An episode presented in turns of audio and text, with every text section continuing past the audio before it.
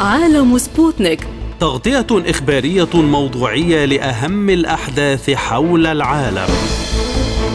يلقي الضوء على أهم الأخبار السياسية. والاقتصادية. والرياضية. وجولة مع الأخبار الخفيفة من سبوتنيك بريك في عالم سبوتنيك. أهلا بكم مستمعينا الكرام في حلقة جديدة من عالم سبوتنيك. يسعد صحبتكم في هذه الحلقة عبد الله حميد ونوران عطلة. والبداية مع أبرز العناوين.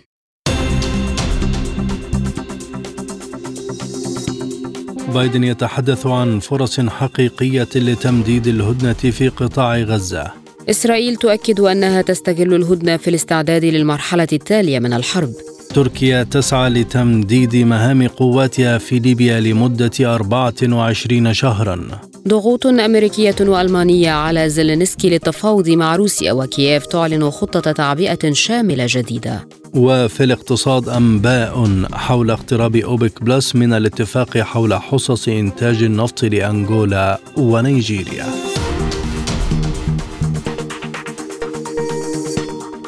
إلى التفاصيل. أعتبر الرئيس الأمريكي جو بايدن أن هناك فرصا فعلية لتمديد الهدنة بين إسرائيل وحركة حماس في قطاع غزة التي دخلت حيز التنفيذ منذ أمس الجمعة وتستمر أربعة أيام. وأضاف بايدن للصحفيين خلال قضائه عطلة عيد الشكر في ولاية ماساتشوستس إن على بلاده إنهاء دائرة العنف في الشرق الأوسط. وأوضح الرئيس الأمريكي أن إفراج حركة حماس عن مجموعة أولى من الرهائن الذين احتجزتهم خلال هجومها على إسرائيل ليس سوى بداية. وأوضح أن الوقت حان للعمل على تجديد حل دولتين لإرساء السلام بين إسرائيل والفلسطينيين. للمزيد من المتابعة ينضم إلينا من بيروت دكتور رائد المصري أستاذ العلاقات الدولية بعد تحية دكتور رائد ما دلالة تصريحات الرئيس الأمريكي؟ هذا طبعا يدل على أن الموقف الأمريكي يعني آه، كان آه، آه، ضاغط أو أتى نتيجة الضغط الشعبي ونتيجة الضغط الدولي والعربي والإسلامي على قرارات الإدارة الأمريكية بإطلاق اليد الإسرائيلية في ارتكاب هذه المجازر الهمجية بحق الشعب الفلسطيني وحق شعب غزة، يعني نحن نتحدث عمليا عن قتل ما لا يقل عن 15000 6000 منهم أطفال ونساء وغيرها وغيرها، يعني هذه جريمة كبرى، بدأ المجتمع الدولي يتحرك باتجاه تفعيل آه، آه، إقامة محكمة العدل الدولية آه، لمحاكمة إسرائيل بجرائم ضد الإنسانية. بدأت الضغوط الشعبية تتراكم على الإدارة الأمريكية وهو على أبواب انتخابات. هذه هذه هي الفقرة الحقيقية. وبالتالي يعني باتت الإدارة الأمريكية واقعة يعني بين ضغوط أو عدة ضغوط متعددة. أنا أتوقع أن لا يكون لهذه الإدارة الديمقراطية على الأقل أو للرئيس بايدن أي حظوظ على مستوى الاستحقاق الانتخابي الرئاسي الآتي. فلذلك هو يحاول لملمة هذا الموضوع لكن على أشلاء جثث الشعب الفلسطيني بعد أن حققت إسرائيل كل المجازر وارتكبتها بشكل فظيع. هو يريد أن يمدد. طبعا متوقع أن تمدد هذه الهدنة لالتقاط الأنفاس. أولا هذه الهدنة خمسة أيام. هي يعني غير كافية لكنها تعطي فكرة أو يعني مجرد تجربة لتمديد هذه الهدن. يمكن أن تمدد إلى عشرة أيام ويمكن بعدها أن تمدد إلى شهر. حتى يتم يعني إيجاد صيغة آه، معينة آه، تعفي إسرائيل على الأقل آه، من المحاسبة الدولية وأيضا تقيس الرأي العام الإسرائيلي ما إذا كان سينصرف إلى محاسبة القيادة الإسرائيلية ونتنياهو بعزله ثم محاكمته. هل تمارس واشنطن ضغطا على إسرائيل لتمديد الهدنة وهل ترضخ إسرائيل هذه الضغوط؟ حكما آه، يعني بخلاف ما الجميع يتحدث أن إسرائيل أو أن الولايات المتحدة الأمريكية آه، هي آه، يعني تضغط عليها إسرائيل. لا إسرائيل هي التي تعمل لدى الولايات المتحدة. إسرائيل هي العصا الغليظة التي تؤدب بها الولايات المتحدة دول المنطقة وشعوب المنطقة والشعب الفلسطيني. بالعكس تماما يعني دعينا نكون واضحين.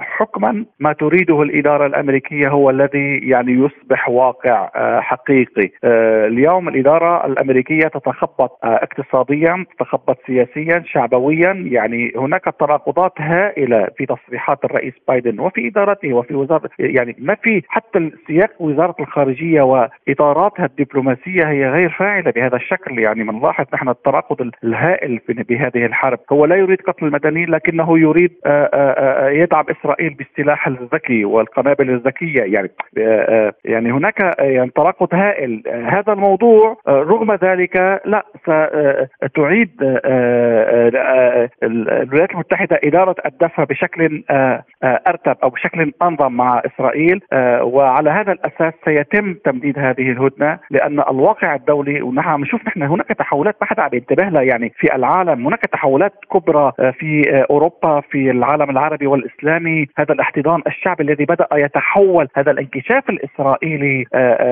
بطبيعة الحال هذا سيؤثر على سياسة الولايات المتحدة الأمريكية. يعني بالوقت الذي كان في البحرين تقام قمة من أجل فلسطين وغزة وأمن الطاقة العالمي كان هناك كان الحوثي أو اليمني يصادر سفينة محملة إسرائيلية في البحر الأحمر.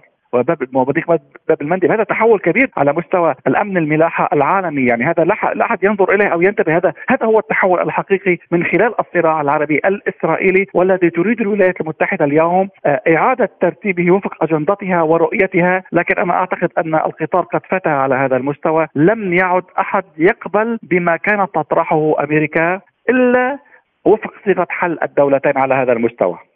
هل يمكن اعتبار هذه الهدنة وإن كانت مؤقتة مقدمة لإنهاء الحرب أم الحرب مستمرة كما قال نتنياهو؟ هلا قادة إسرائيل يقولون أننا سنستمر في هذه الحرب وهو جزء من تهديد حتى لا ينزل بسرعة عن السقوف العالية التي يعني اعتلاها لأنه هناك هزيمة كبرى عسكرية يعني دعينا نتحدث، صحيح أن هناك مدنيين من الجانب الفلسطيني والغزاوي، لكن هناك صورة تهشمت صورة عسكرية تهشمت. هناك ضربة حتى على مستوى الخسائر العسكرية عندما بدأوا بالغزو البري. يعني هناك خسائر كانت تصور بالفيديو يعني ليست مخفية على أحد واضحة. يعني هذا من ناحية. من ناحية ثانية طبعا الإدارة الإسرائيلية تقول أنها لا ستستكمل الحرب وهذا يعني لأنها تريد أولا من خلال هذه الهدنة لخمسة أيام أن تقيس مزاج الشارع العام الإسرائيلي. إذا كان هنا كان ضاغط أيضا الشارع الشعبي الإسرائيلي على حكومته بشأن الرهائن. إذا كان ذلك سيريح الشارع نسبيا وأن لا يجعله يتحول إلى محاسبة الحكومة سيستكمل هذه الحرب لكن بضوابط معينة. أما إذا كان الموضوع مختلف يجب عليه أن يزيد من فرص إطلاق باقي الرهائن لدينا الرهائن أيضا أكثر. يعني هناك رهائن عسكريين واسرى عسكريين أسروا في المعركة هم لدى قادة حماس والفصائل الفلسطينية. أيضا هذا يستلزمه ترتيب وتمديد لفترة هدنة أطول حتى يتم استيعاب هذا الموضوع والإسرائيلي لا يستطيع أن يدخل بأي صيغة إن كان هدنة أو إطلاق الرهائن أو غيرها إلا بما يخدم مشروعه السياسي ويتوافق مع رؤيته العسكرية، هذا هو الواقع، يعني دعينا نقيس الأمرين مع بعضهما وعلى أساس ذلك تقيم إسرائيل هذه العمليات. ما مدى جدية التصريحات الأمريكية حول مضيها قدما في تنفيذ حل الدولتين؟ هل هذا قائم بالفعل؟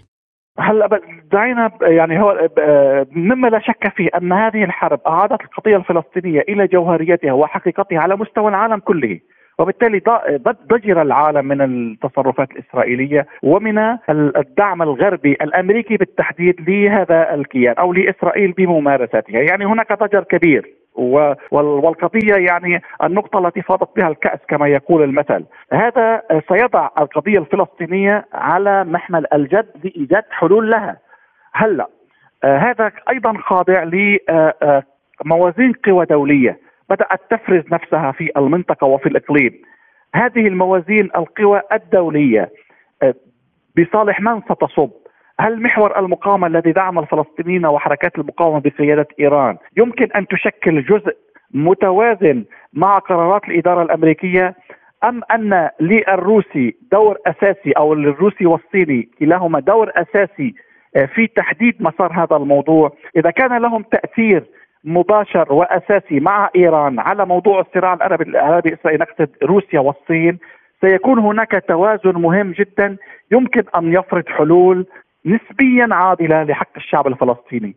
أما إذا كان النظام الدولي غير مخل أو توازنه فيه إخلال آه، فأن الإدارة الأمريكية ستعيد العبث بأوراق الفلسطينيين وأوراق حل هذه القضية لصالح إسرائيل وهو حكما سيمدد أمد الصراع آه، سيبقى هذا الجرح نازف لن يعيد للفلسطينيين حقوقهم بإقامة دولتهم حتى ما دون الرابع من حزيران عام 67 وبالتالي ستبقى هذه القضية معلقة. لكن إذا ما أردنا الموازنة أو المفاضلة ما بين أبقاء هذا الجرح النازف عم, عم نحكي من الرؤية الأمريكية نازف على هذا المستوى ورؤية أمريكا وواشنطن لمشروعها الاقتصادي وهذا يتطلب ثبات واستقرار أمني في المنطقة وأمن الملاحة العالمي وأمن الطاقة وسلاسل التوريد.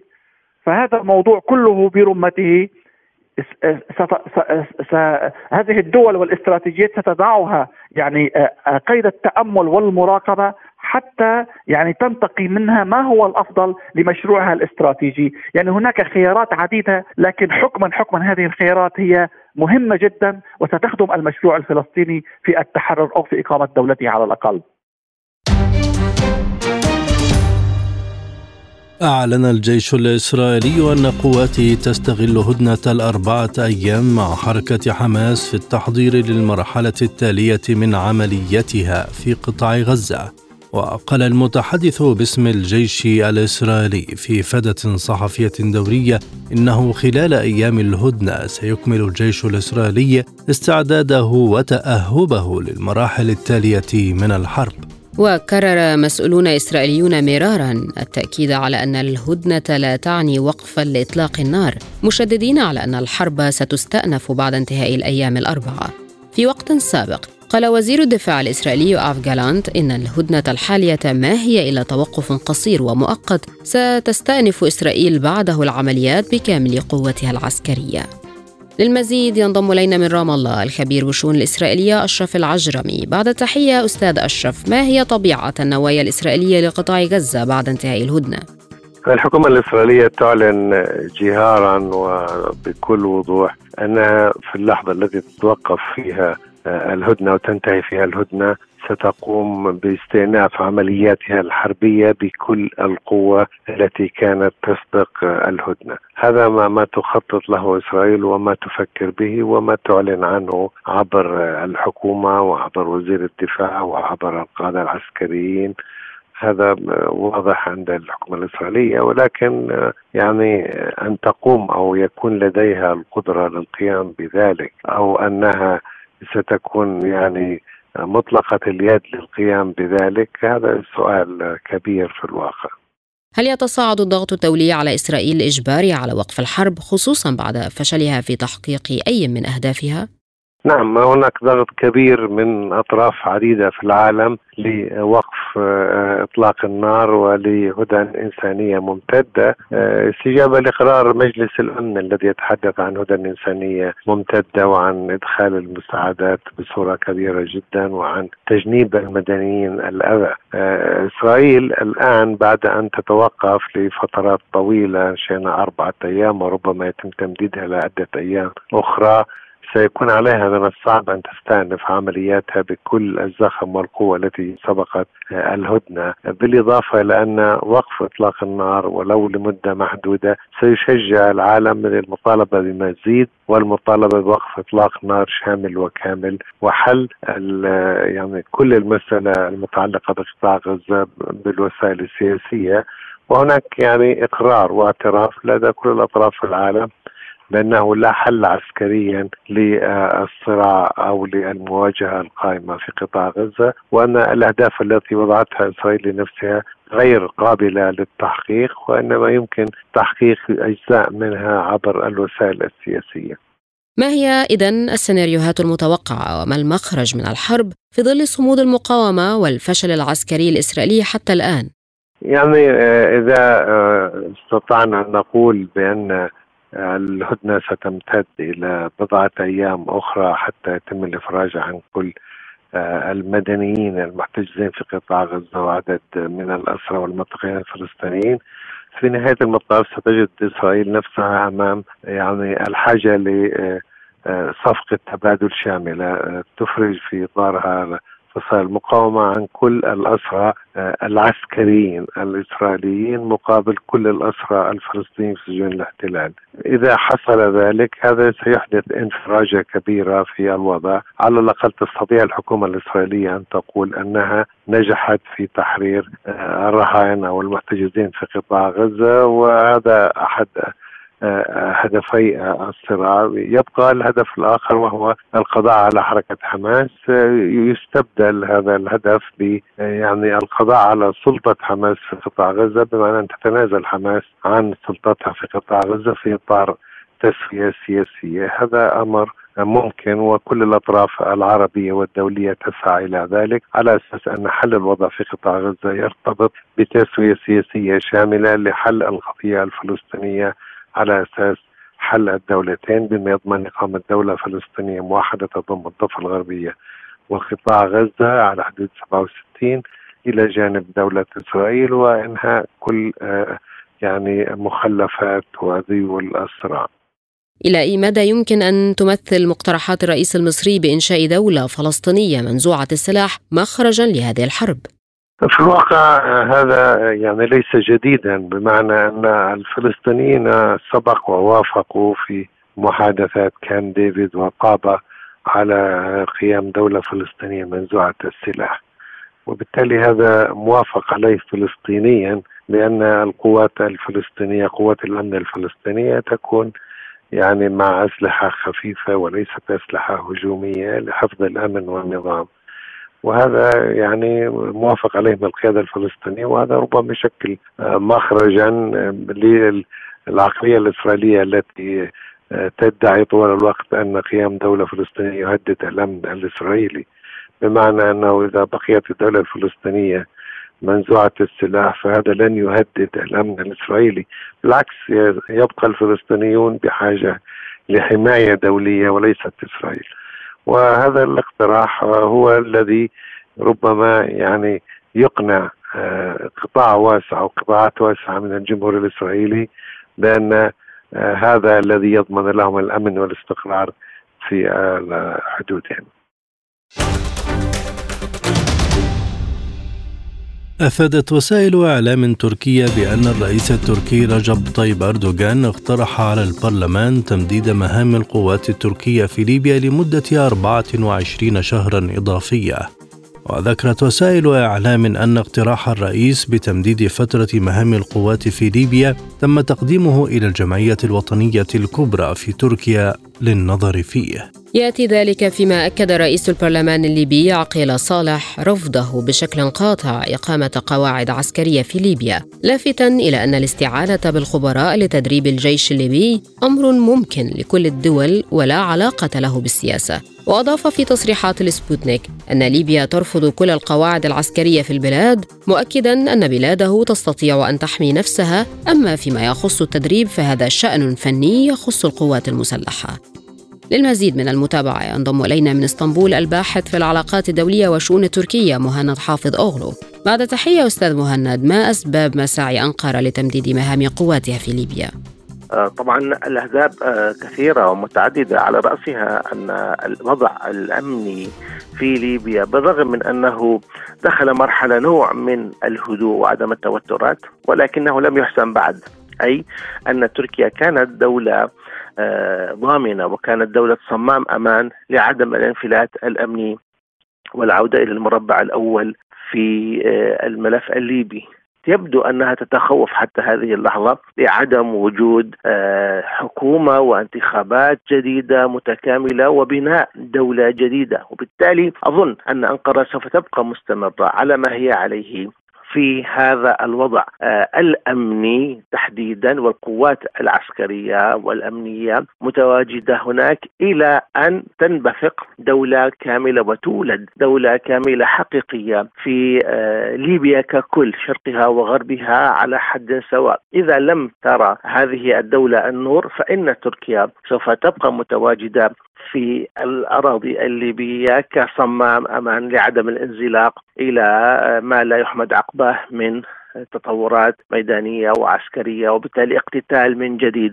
هذا اولا، ثانيا لا ننسى أن تركيا تعتمد في علاقتها آه، مع القارة السمراء من بوابتين أساسيتين ليبيا والجزائر، رأينا قبل يومين أن الرئيس أردوغان كان في زيارة مهمة مع وفد آه، كبير إلى الجزائر، والبوابة الأساسية التي هي المفتاح الأول آه، ليبيا، وبالتالي هناك أبعاد اقتصادية، أبعاد سياسية، أهداف واسعة النطاق ليست محصورة فقط في ليبيا، ليبيا على الرغم من أن إنها تحتل المركز الأول لدى تركيا امنيا ولكن أيضا تنطلق منها سواء في المشاريع التي سوف تكون في الداخل الليبي أو من خلفها الدول الإفريقية الأخرى وبناء عليه تركيا اليوم تنظر إلى أن الملف الليبي ملف أساسي ومهم من حيث الاستثمارات الاقتصادية وكذلك مهم من حيث المداخل السياسية آه، لما هو في ليبيا وما هو خارج ليبيا على حد سواء. لماذا تزامنت هذه المساعي التركية مع تصريحات رئيس مجلس النواب الليبي حول رفض بلاده تواجد أي قواعد عسكرية أجنبية في ليبيا؟ آه يعني الأمر لدى تركيا آه ثابت ومستقر، نحن لدينا في كل عام من آه الشهر الحادي عشر في تركيا مناقشات في البرلمان وفي الداخل التركي على تمديد القوات آه، العسكرية التركية خارج البلاد. كانت في ليبيا كانت في آه، سوريا كانت في آه، أذربيجان ايا كانت القوات الموجودة العسكرية التركية خارج الحدود الجغرافية التركية. يتم مناقشة وضعها واستمرار عملها. بعض الملفات تحتاج إلى عام وبعض الملفات تحتاج إلى عامين وبالتالي إما أن يكون 12 شهرا وإما أن يكون 14 شهرا. هذا النسق لم تغير لدى تركيا منذ سنوات طويلة. وبالتالي تركيا عندما تطرح هذا الملف للمناقشة وأخذ الموافقة عليه من البرلمان هي بإجراء روتيني سنوي معتاد، لكن اللافت هو التصريحات الليبية بعدم قبول وجود قوات أجنبية. هذا تتفهمه تركيا من باب الكلام العام ولكن القلق سوف يكون حقيقة إذا ما صدرت تصريحات خاصة بتركيا. يعني حتى تركيا تطالب بخروج كل القوات الأجنبية من ليبيا. ولكن تركيا لا تعتبر نفسها كما أكد سابقا وزير الدفاع التركي السابق خلوصي أكار أن تركيا لا تعتبر نفسها أنها قوات أجنبية ردا آنذاك على المنقوش أنها قوات أجنبية، لماذا؟ لأنها هي الدولة الوحيدة من كل الموجودين في الملف الليبي التي دخلت باتفاق بل بدعوة وبطلب ملح وعاجل من الحكومة الليبية آنذاك حكومة السراج وبناء عليه الوجود التركي لدى أنقرة من منظور أنقرة لا يعتبر أنه وجود أجنبي عكس كل الدول الأخرى الموجودة في ذلك الملف. وبالتالي مهما آه، كانت هناك تصريحات ليبية من إخراج القوات الأجنبية تركيا لا يعنيها هذه التصريحات إلا إذا كانت كما قلت تصريحات مباشرة بأنه يجب على تركيا أن تخرج من ليبيا آنذاك يكون قد وصلنا إلى تطور خطير في العلاقات ما موقف ليبيا من هذا التمديد المحتمل لمهام القوات التركية في البلاد؟ يعني أظن آه، بحكم العلاقات الأخيرة وتطورات وتواصل تركيا ما بين آه، الشرق والغرب. لا يبدو لي بأن آه، سوف يكون هناك امتعاض من الدور التركي في هذه المرحلة تحديدا، يعني أظن أن هناك نوع من الارتياح وإن كان غير معلنا سيما في الشرق أن الوجود التركي أصبح وجودا ضروريا وإن كان لا يصرح عنه من قبل الشرق عموما، يعني يدركون أهمية الوجود التركي وضرورته ولكن لا يعلنونها لكي يبقى موقفهم السياسي واضحا بأنهم آه، لا يريدون أي قوات أجنبية إلا القوات الليبية أن تكون متواجدة على الأرض، امام القوات الليبية غير صالحة وغير مهيئة لضمان الشرعية وهذا الذي جعل حكومة السراج تستنجد بتركيا للحفاظ على الشرعية والحماية طرابلس من السقوط باعتداء عسكري. وبالتالي هناك نوع من الموافقة الضمنية آه، على الوجود التركي آه، لأنه تصريحات متعددة رأيناها في الأشهر الماضية. لم يأتي أي من هذه التصريحات على ذكر خاص بتركيا والتنديد بالوجود التركي. رأينا مثل هذه التصريحات تأتي من مصر ولكن لم تأتي من ليبيا. وبالتالي أظن أن هناك آه، نوع من الموافقة والقبول والرضا بالوجود التركي سواء في الغرب الليبي أو شرق الليبي على حد سواء لوجود القوات التركية هناك هل سيكون هناك تداعيات لتمديد تواجد القوات التركية في ليبيا؟ طبعا التداعيات كبيرة على رأسها العلاقات ما بين أنقرة والقاهرة يعني الملف الأساسي الكبير الخلافي الذي تراه القاهرة هو الوجود العسكري آه، والأمني آه، والوجود التركي بشكل عام في ليبيا. آه، القاهرة ترى بذلك تهديدا لأمنها القومي وهو سبب أساسي في الخلافات ما بين الجانبين. رغم أن لدى أنقرة الأولويات تختلف لديها شرق المتوسط هو رقم واحد في هذه العلاقات وهذه التوترات ولكن في المحصلة هذا سوف يكون له تداعياته واثاره في العلاقات التركية المصرية. صحيح أن الملف ليبي ولكن انعكاسه وارتداده مصري وبالتالي آه، القاهرة تتوجس من هذا الوجود وهذا الذي ربما ولولا يعني الزلزال الذي ضرب تركيا وما آه، جرى في غزة مؤخرا. لكنا آه، قد رأينا سابقا أن هناك نوع من لا أقول البرود وإنما الهدوء في الإيقاع في العلاقات ما بين تركيا ومصر. السبب الأساسي لدى القاهرة هو الملف الليبي. أفادت صحيفة بيلد الألمانية أن أمريكا وألمانيا تعتزمان إجبار أوكرانيا على بدء المفاوضات مع روسيا. وأضافت في مقال أنه يجب على زيلينسكي نفسه أن يدرك أن الأمر لم يعد من الممكن الاستمرار على هذا النحو دون أي مساعدة خارجية مؤكدة أنه يجب عليه اللجوء إلى الناس ويشرح لهم أن المفاوضات ضرورية. وأشارت إلى أنه ولهذا الغرض قد تبدأ برلين وواشنطن في خفض إمدادات الأسلحة إلى كييف لدرجة أن القوات الأوكرانية ستكون قادرة على الدفاع عن نفسها فقط وليس الهجوم بحسب الصحيفة. إلى ذلك أعلن الرئيس الأوكراني فلاديمير زيلينسكي عن خطة شاملة جديدة للتعبئة في أوكرانيا الأسبوع المقبل. ولم يتحدث زيلينسكي في الوقت نفسه عن العدد الدقيق للمواطنين الأوكرانيين المتوقع تعبئتهم. المزيد ينضم إلينا من موسكو الكاتب والمحلل السياسي الدكتور محمود الأفندي. بعد التحية دكتور، ما هدف زيلينسكي من إعلان خطة جديدة للتعبئه العامه؟ أول شيء يسعد أوقاتك سيد الكريم للأخوة المستمعين. طبعا هي خطة آه، ضمن آه، خطط زيلينسكي الوهمية للمحاولة للفت الأنظار وأن ما زالت آه، الهجوم المعاكس قائم وخصوصا بعد التخبط الذي يحصل الآن في بين الرئيس زيلينسكي ورئيس الأركان وقائد القوات المسلحة الجنرال زالوجني. عندما عندما صرح الجنرال زالوجني أن المعركة أصبحت في ما يسمى خط مسدود أو طريق مسدود وليس وليس وليس والمستحيل أن يكون هناك أي تقدم للقوات الأوكرانية بل تراجع على نفس الشيء على العكس بدأ الرئيس زيلينسكي بالتصريح بشكل عكسي بأنه يقوم بعملية تعبئة وما يسمى حتى تعبئة حتى النساء وحتى المريضين وحتى المريضين والمعاقين. يعني نعلم جيدا أن هناك نقص حاد في آه، أعداد الجيش الأوكراني بسبب هروب كثير. يعني يقول نحن حوالي 18 مليون أوكراني خارج أوكرانيا من بينهم حوالي 10 مليون يمكن يعني بينهم حوالي 3 4 مليون كأن يمكن أن يجندوا. يعني هذا النقص الحاد بالإضافة إلى الخسائر الكبيره تعرض لها الجيش الأوكراني. هناك رد عكسي من طرف الرئيس زيلينسكي لمحاولة أن, أن يعطي رسائل للغرب أن ما زال الجيش الأوكراني على يعني آه، يواصل تقدمه ويواصل هجومه المعاكس. ولكن بشكل عام كسياسيا فينا نقول ان هناك في تخبط بين الطرفين بين الرئيس زيلينسكي وقائد القوات المسلحة الجنرال زالوجني وأصبحت يعني هذا التخبط يمكن أن ينتقل إلى تنافس في الانتخابات الرئاسية. ما جدوى هذه الخطة في ظل الهزائم المتتالية لقوات كييف على الأرض؟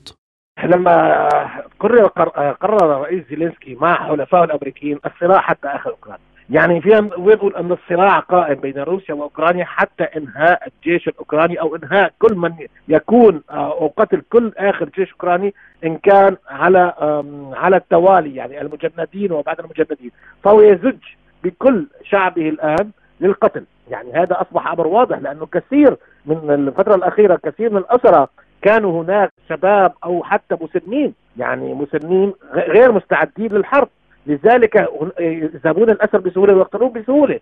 يعني متوسط عمر المقاتل الأوكراني الآن على الجبهة الحاسم الجبهة وخصوصا جبهة زباروجا وجبهة خرسون حوالي 42 ساعة. يعني وهناك عملي يعني يقوم الجيش الأوكراني بعمليات ما يسمى آه، انتحارية على سبيل المثال في خرسون. لماذا زدت ب 1000 مقاتل على الضفة الغربية في خرسون أدى إلى مقتلهم جميعا؟ يعني هذا التق... هذا فينا نقول انه الصراع قائم. حتى آخر أوكراني ومصر عليه الرئيس زيلينسكي. يعني الرئيس زيلينسكي يعلم جيدا أن وجوده بالسلطة هو مع استمرار الحرب. إذا وقفت الحرب لا يستطيع الاستمرار في السلطه يعني نفس الشيء يحصل الآن في إسرائيل. يعني نتنياهو الآن بدأت استمرارية الحرب نتنياهو على السلطة وكذلك مع استمرارية الحرب زيلينسكي على السلطة. مباشرة عندما يبدأ التفاوض زيلينسكي خارج المعادلة وخارج الرئاسة. لذلك هو مصر على استمرارية الحرب حتى لو زج حتى بالنساء يعني أنا حتى دهشت من حوالي ثلاث أيام تم أسر مقاتلة أوكرانية وهي حامل. يعني هذا الشيء غير طبيعي حتى في أي جيوش من جيوش العالم. يعني نساء حوامل في المعركة مسنين. يعني حتى أحد الكرسون أحد كرسون أحد الإعلاميين الأمريكيين المشهورين عندما قال أغلبية الجيش الأوكراني أكبر مني سنا ونعلم تيك كارسون هو حوالي 55 سنة. يعني هذا يعني أن زيلينسكي مستمر في الحرب. للحفاظ على السلطة للحفاظ على الرئاسة للحفاظ على الدعم المادي لأنه يخاف من المحاكم يخاف من عقاب شعبه لأنه بدأ آه، تساؤلات داخل الشارع الأوكراني. لماذا نقوم بهذه المعركة؟ التي ليس هدف. يعني دائما في كل المعارك يمكن أن تقوم بعملية سلام لما يسمى للحفاظ على جيشك للحفاظ على شعبك. ولكن أن تقوم تقوم بقتل كل شعبك. وكل الرجال وما يسمى الطاقة البشرية لديك تقتلها في حرب لا تستطيع آه، تتقدم فيها. هذا هذا يعني أنه يستهلك شعبه لمجرد أن يكون في السلطة يعني ويظل مادة استثمارية تستثمر الولايات المتحدة الأمريكية. مع الحديث عن مسألة التفاوض هل بدأت واشنطن والغرب تتخليان عن أوكرانيا فعليا بعد تقليص المساعدات لها؟ هم مضطرين للتخلي عن أوكرانيا، خلينا نكون واقعيين، يعني كل ما لدي الولايات المتحدة الأمريكية والغرب أن يساعد أوكرانيا، أنا أتكلم هنا عن السلاح والعتاد والذخيره. كل ما تستطيع قدمته تقدمه لأوكرانيا وأصبح بشكل وأصبح بشكل أشكال ينتهي هذا الاحتياط. يعني أن نقول أن الدعم هو من أجل نوعا ما تغيير موقف. لا هو موقف اضطراري. اضطرت الولايات المتحدة الأمريكية أو لعدة أسباب، السبب الرئيسي هو نقص حاد في الذخيرة، نقص حاد في الأسلحة، ليس لديها ما تعطيه لأوكرانيا مستقبلا، لذلك تط...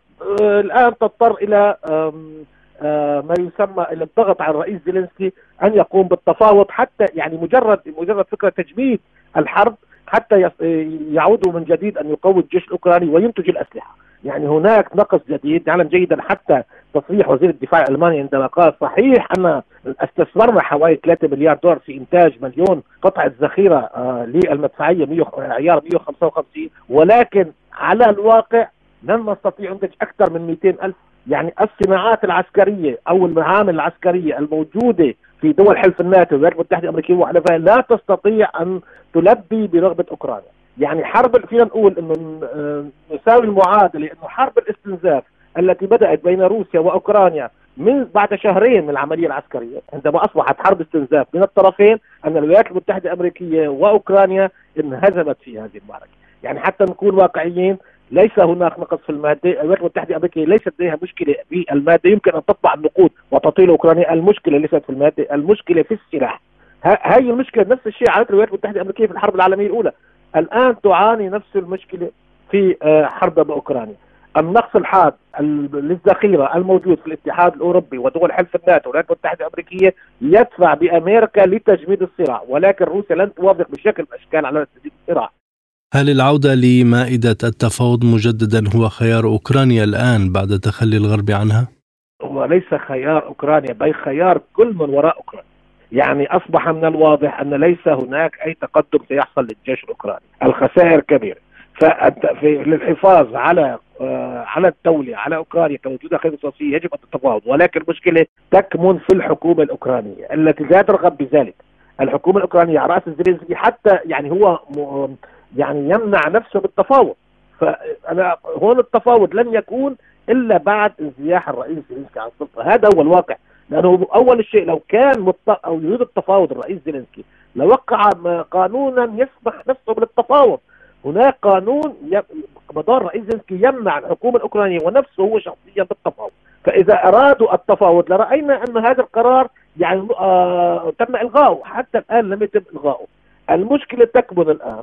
تكمن ليس في أن الحكومة الاوكرانيه لديها خيار. المشكلة تكمن الآن فيما يسمى الطموحات السياسية لبعض الشخصيات أو النخبة السياسية الأوكرانية.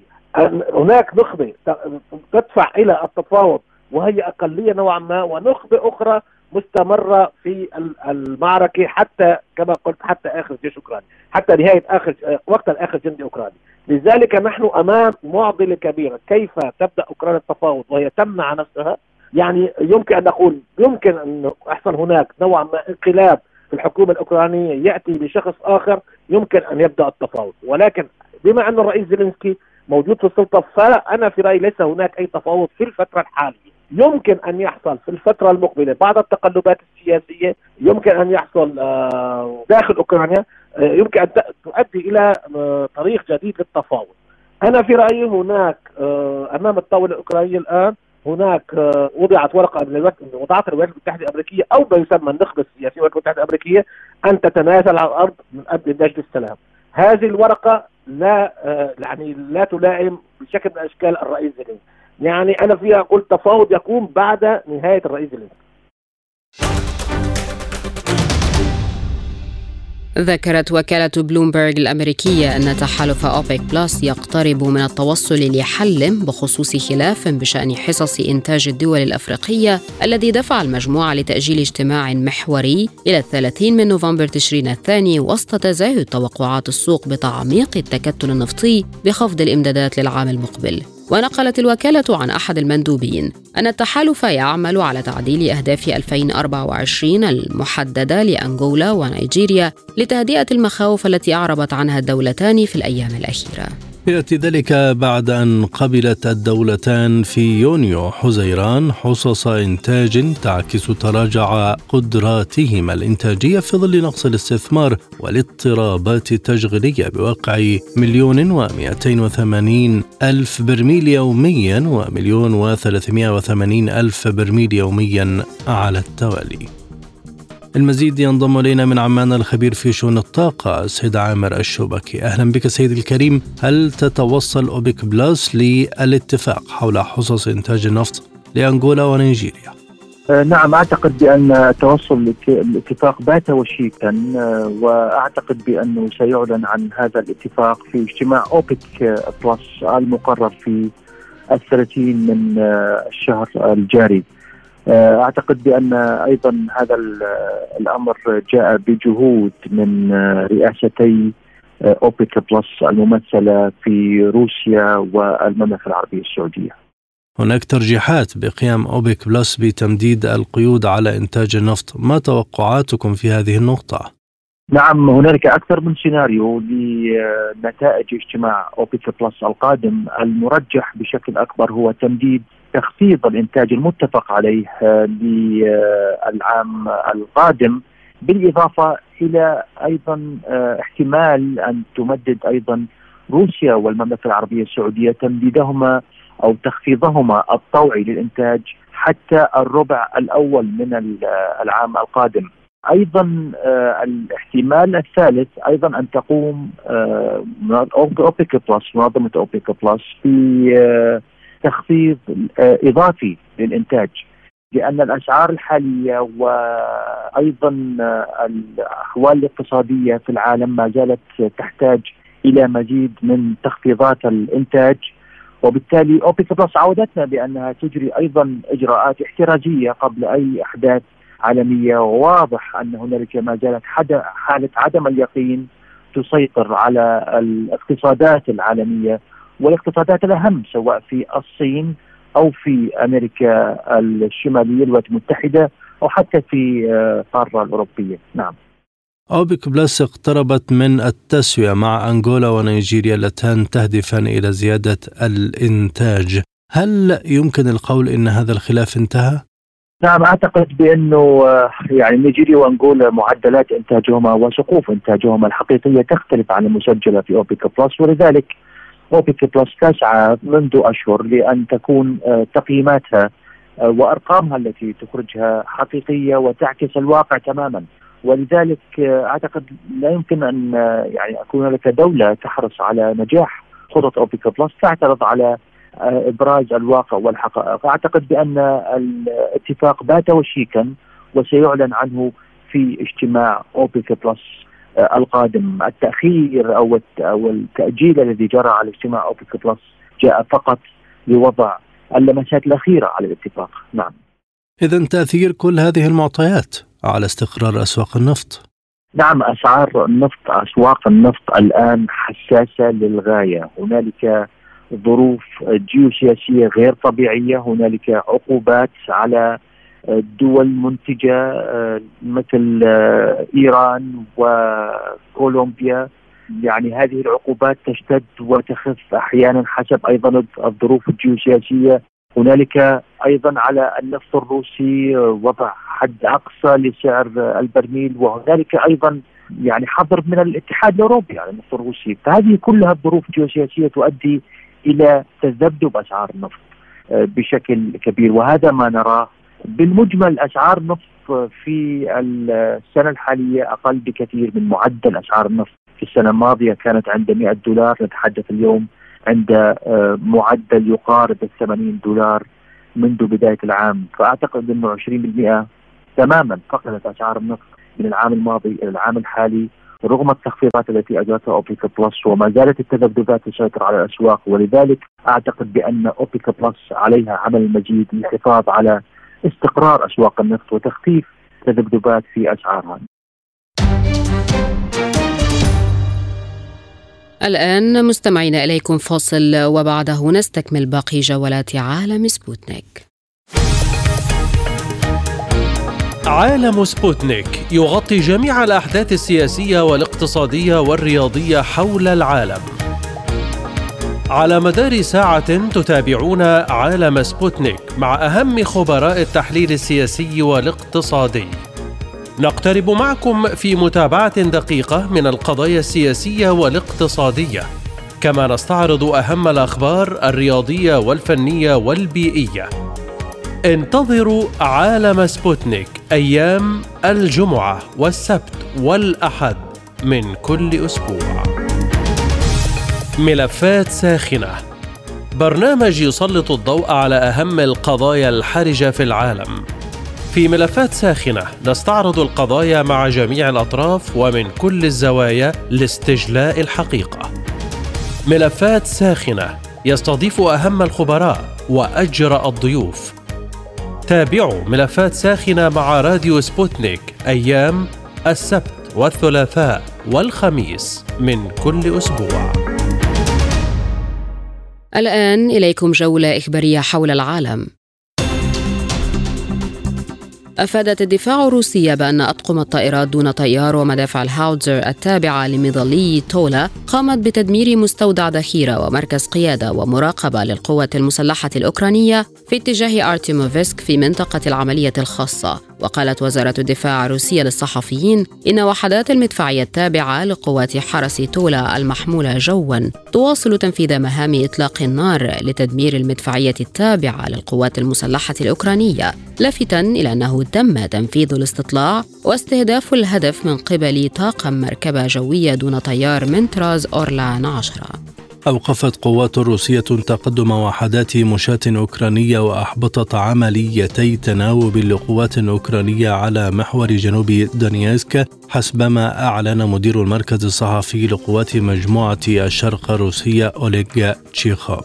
وقال تشيخوف في تصريح لوكالة سبوتنيك إن وحدات من قوات مجموعة الشرق بدعم من المدفعية أحبطت محاولة تقدم مجموعة مشاة للعدو شمال نيكولسكايا على محور جنوب دونيتسك وتم تدمير المجموعة وأضاف أنه تم إحباط محاولتي تناوب لوحدات من القوات الأوكرانية في أوروجايني وشمال بافولوفكا وتم القضاء على أفراد وتدمير معدات العدو.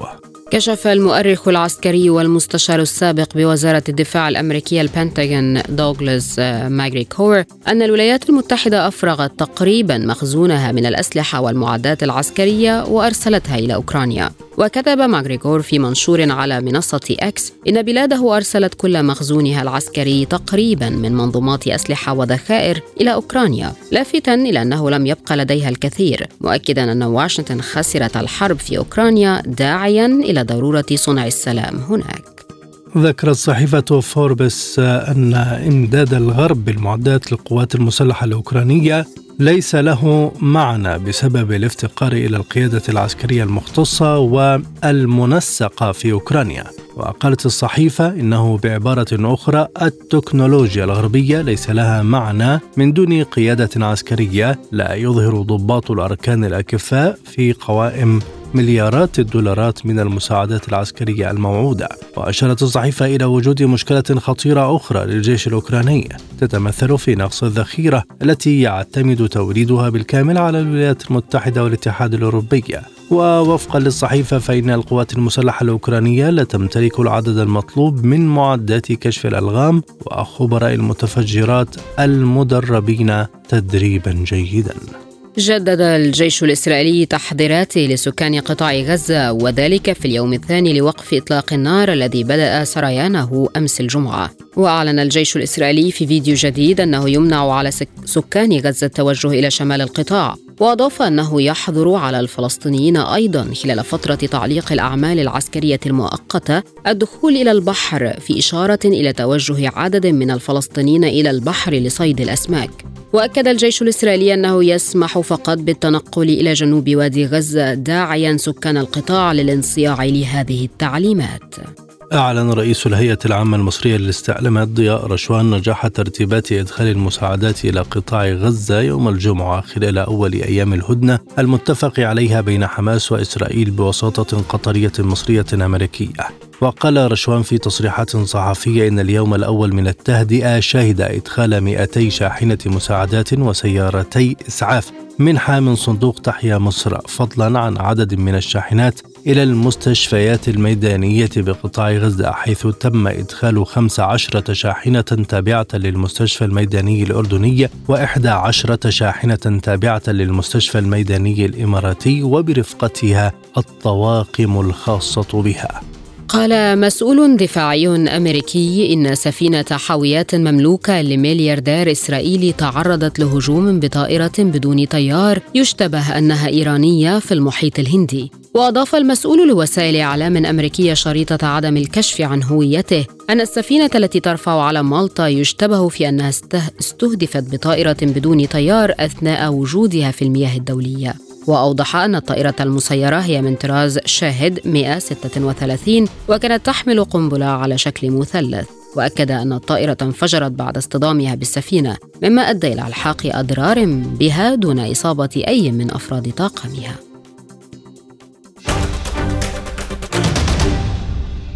مستمرون معكم وهذه تذكرة بأهم عناوين عالم سبوتنيك.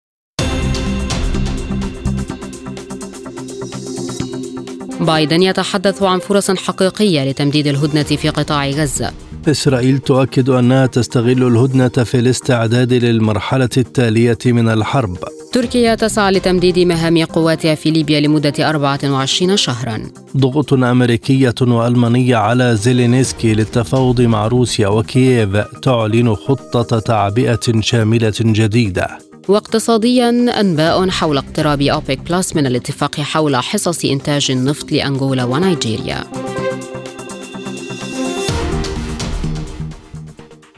هذه وقفة مع أخبار الاقتصاد.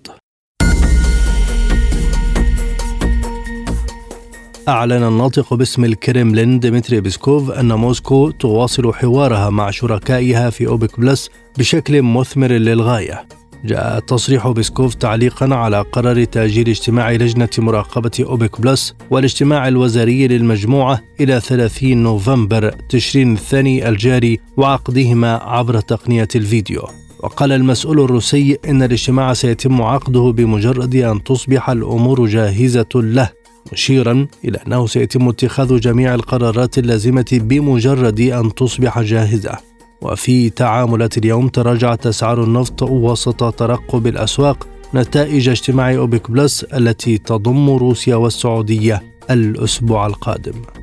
رجح كبير الاقتصاديين بوزارة المالية الإسرائيلية شموئيل أبراماسون تراجع نمو الناتج المحلي الإجمالي بمقدار 1.4% ليستقر عند 2% عام 2023 وذلك جراء الحرب الإسرائيلية على قطاع غزة. وذكر إبرامسون في مراجعة اقتصادية أن أرقام النمو المتوقعة خلال العام الجاري تعني دخول اقتصاد إسرائيل في حالة ركود مع الأخذ في الاعتبار النمو السكاني البالغ 2% سنوياً. وبخصوص العام المقبل يشير التقرير إلى أنه بالنظر إلى الدرجة العالية من عدم اليقين فيما يتعلق بوضع القتال في قطاع غزة فقد تم إعداد عدة سيناريوهات. وأوضح أنه على أساس سيناريو التعافي السريع سيكون النمو العام المقبل 2.2% بينما على أساس سيناريو التعافي البطيء سيكون فاصل 2 من 10%.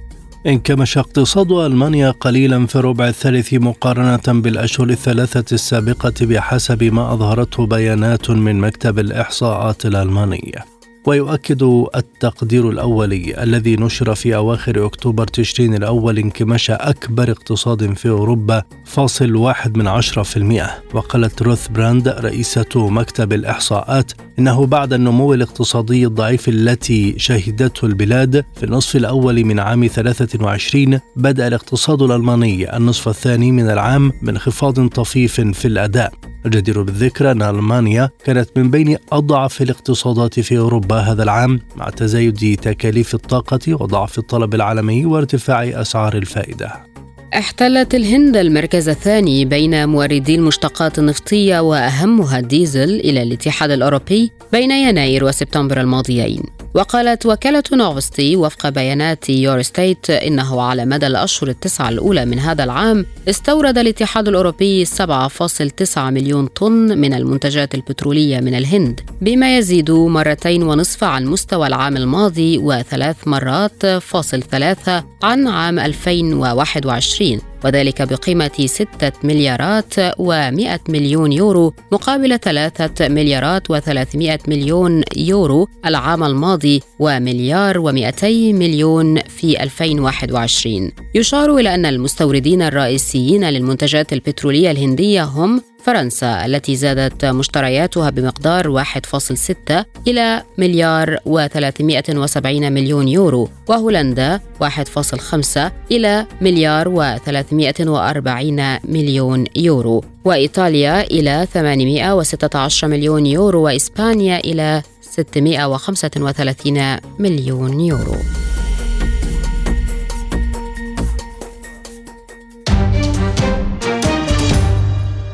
وقفة مع أخبار الرياضة. أعلن الاتحاد الدولي لكرة القدم أنه فتح إجراءات تأديبية بحق الاتحادين البرازيلي والأرجنتيني بعد مواجهات بين الجماهير الذي أدى إلى تأخير انطلاق المباراة بين الفريقين ضمن تصفيات كأس العالم 2026 وقال الاتحاد الدولي في بيان إنه يمكن للفيفا أن يؤكد أن لجنته التأديبية بدأت إجراءات ضد الاتحادين البرازيلي والأرجنتيني لكرة القدم وتأخرت انطلاقة المواجهة يوم الثلاثاء الماضي على ملعب ماراكانا الشهير في ريو دي جانيرو والتي فازت فيها الأرجنتين بهدف نظيف لنحو نصف ساعة بعدما اندلعت المواجهات العنيفة بين الجماهير.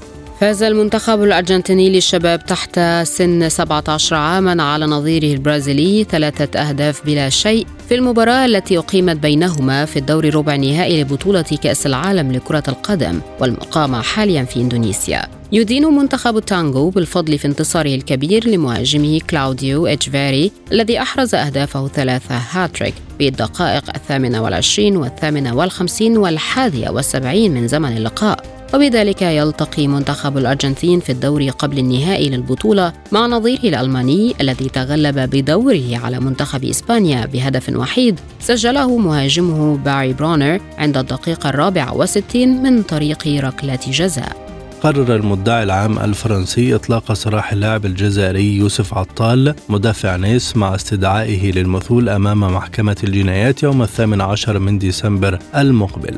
شرطة نيس اعتقلت لاعب منتخب الجزائر لكرة القدم بدعوى نشر فيديو يحرض على كراهية إسرائيل. وبحسب آه، الصحف المحلية فإنه في منتصف أكتوبر بعد أيام قليلة من هجمات حماس ضد إسرائيل شارك اللاعب الدولي الجزائري يوسف عطال شريط فيديو لداعية يدعو إلى يوم أسود لليهود. وفي مواجهة الجدل المتزايد سارع لاعب كرة القدم البالغ من العمر 27 عاما إلى حذف المنشور ثم اعتذر.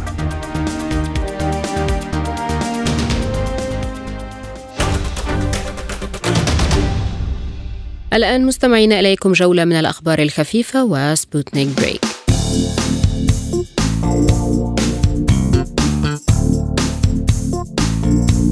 توصل علماء من جامعة ساراتوف الوطنية للأبحاث الحكومية بالتعاون مع زملاء من جامعات روسية أخرى إلى طريقة بالليزر تقوم بالبحث عن الخلايا السرطانية في الدم. ووفقا للباحثين فإن القدرة على العثور على خلايا سرطان الجلد النادرة للغاية في الدم والتي تمتص الضوء بقوة أكبر من الخلايا الأخرى في دم المريض ستصبح تقنية رئيسية في النظام الروسي الجديد لتشخيص الأورام دون سحب الدم. ووفقا للإحصاءات التي أجراها العلماء فإن العلاج الناجح للسرطان في المرحلة الأولى من التطور ممكن في 92% من الحالات وفي المرحلة الثانية 76% وفي المرحلة الثالثة 56%. توصلت دراسة جديدة إلى أن مطهرات المستشفيات بما في ذلك مواد التبييض عالية التركيز غير فعالة ضد بعض أنواع البكتيريا وهي السبب الرئيسي للأمراض المرتبطة بالمضادات الحيوية.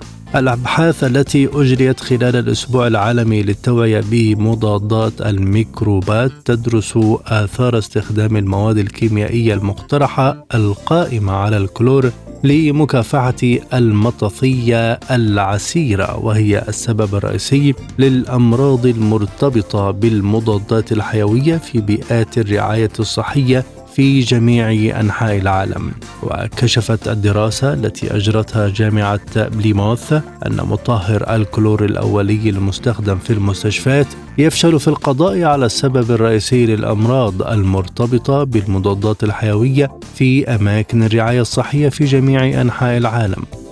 يلقب كوكب الزهرة بتوأم الأرض بسبب تشابهه معه في حجمه وتكوينه وكثافته، ولكن عندما يتعلق الأمر بالحياة على هذا الكوكب فالأمر مختلف جدا، وبحسب مجلة علمية فإن سطح كوكب الزهرة مغطى بغلاف كثيف من السحب الحمضية السامة، وبفضل تأثير الاحتباس الحراري الجامح حيث تحبس تلك السحب حرارة الشمس وتمنعها من الهروب مرة أخرى إلى الفضاء يصل متوسط درجة حرارة سطح كوكب الزهرة إلى 464 درجة مئوية. ناهيك عن الضغط الجوي الذي يبلغ نحو 100 مرة ضغط الأرض.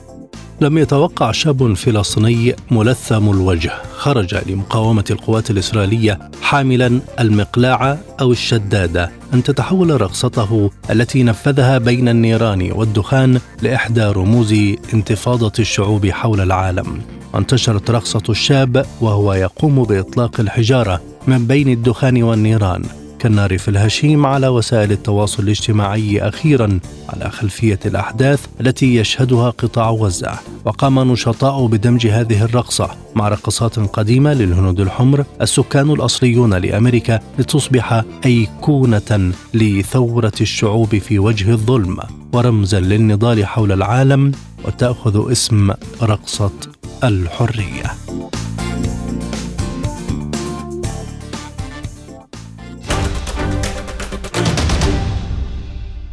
لا يبقى في هذه الحلقة سوى التذكير بأهم ملفات عالم سبوتنيك.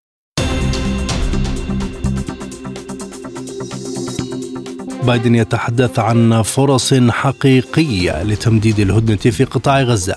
إسرائيل تؤكد أنها تستغل الهدنة في الاستعداد للمرحلة التالية من الحرب. تركيا تسعى لتمديد مهام قواتها في ليبيا لمدة 24 شهرا. ضغوط أمريكية وألمانية على زيلينسكي للتفاوض مع روسيا وكييف تعلن خطة تعبئة شاملة جديدة. اقتصاديا أنباء حول اقتراب أوبيك بلس من الاتفاق حول حصص إنتاج النفط لأنغولا ونيجيريا. رياضيا فيفا يبدأ إجراءات تأديبية ضد الاتحادين البرازيلي والأرجنتيني بسبب الشغب في مباراة المنتخبين في تصفيات كأس العالم 2026